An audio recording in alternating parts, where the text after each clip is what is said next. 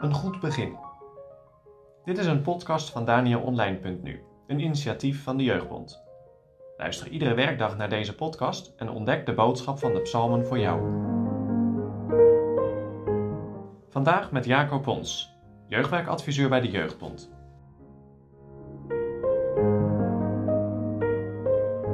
Vandaag is Psalm 66 aan de beurt.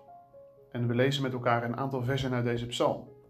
Het thema is: Heb jij iets te vertellen? Een lied, een psalm voor de opperzangmeester.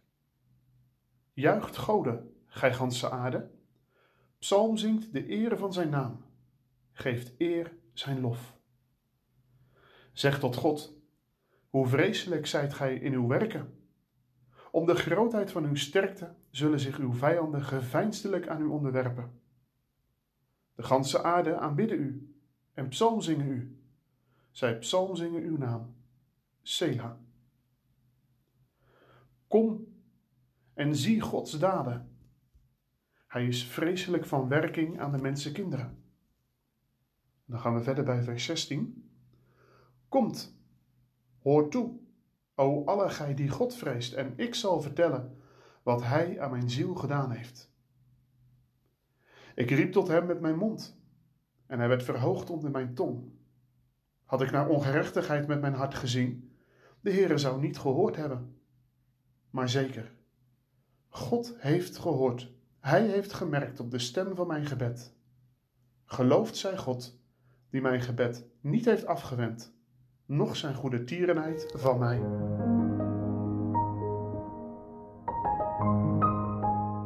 Moet je horen wat ik nu weer meegemaakt heb?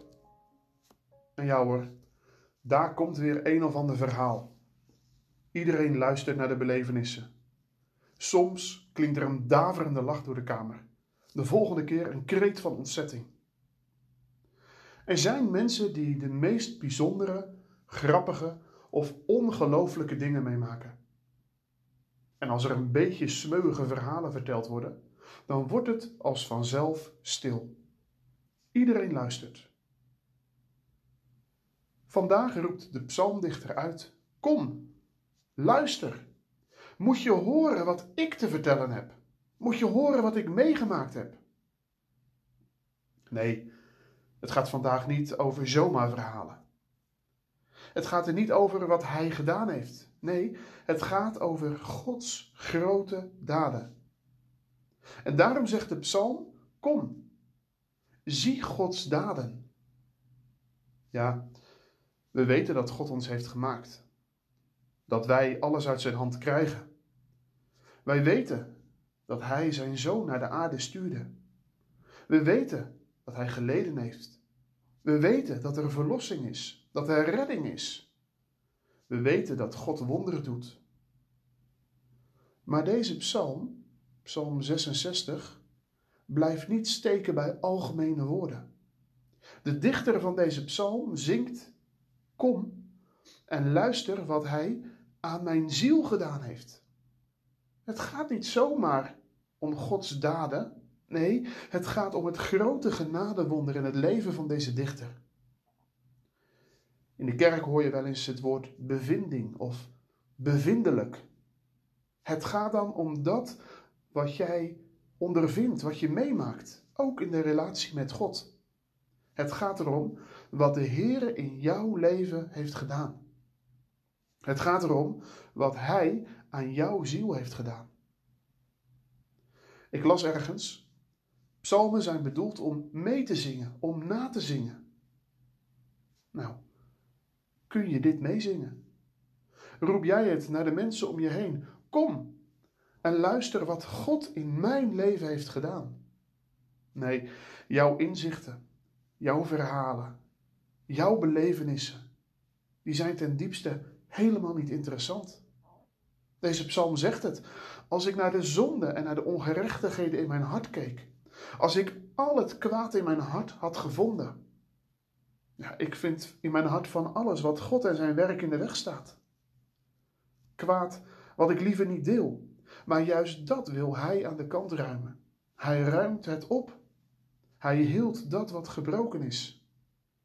Het gaat er dus niet om dat jij in het middelpunt staat. Juist niet. Het gaat erom wat God gedaan heeft. En daarom is het zo goed om Gods wonderdaden, om Zijn genadewerk door te vertellen. Dan is het ook helemaal niet belangrijk dat je het zo smeuig mogelijk vertelt, of dat je een heel lang verhaal kunt vertellen. Maar als je iets vertelt van Gods genadewerk in jouw leven, als je iets vertelt wie de Heer voor jou is, dan kan het niet anders. Maar dan zullen anderen luisteren. Dan willen anderen ook luisteren.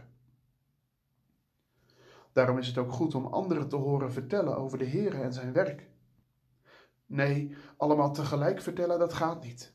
Maar naar elkaar luisteren is zo goed. Zo ontdek je steeds meer over wie de Heer is.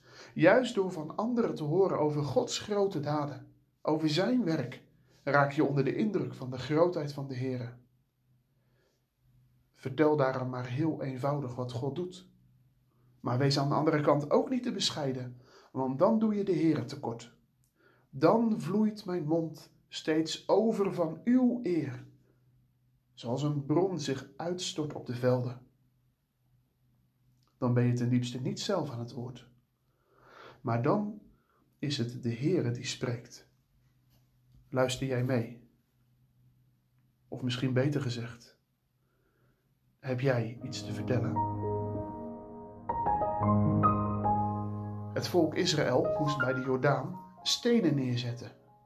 De kinderen zouden dan vragen: waarom staan die stenen daar? En dat was de aanleiding om de verhalen van Gods trouw, zijn goedheid en zijn genade door te vertellen. Waar staan in jouw leven stenen die herinneren aan wie de Heer is? En vertel jij ook anderen over die stenen?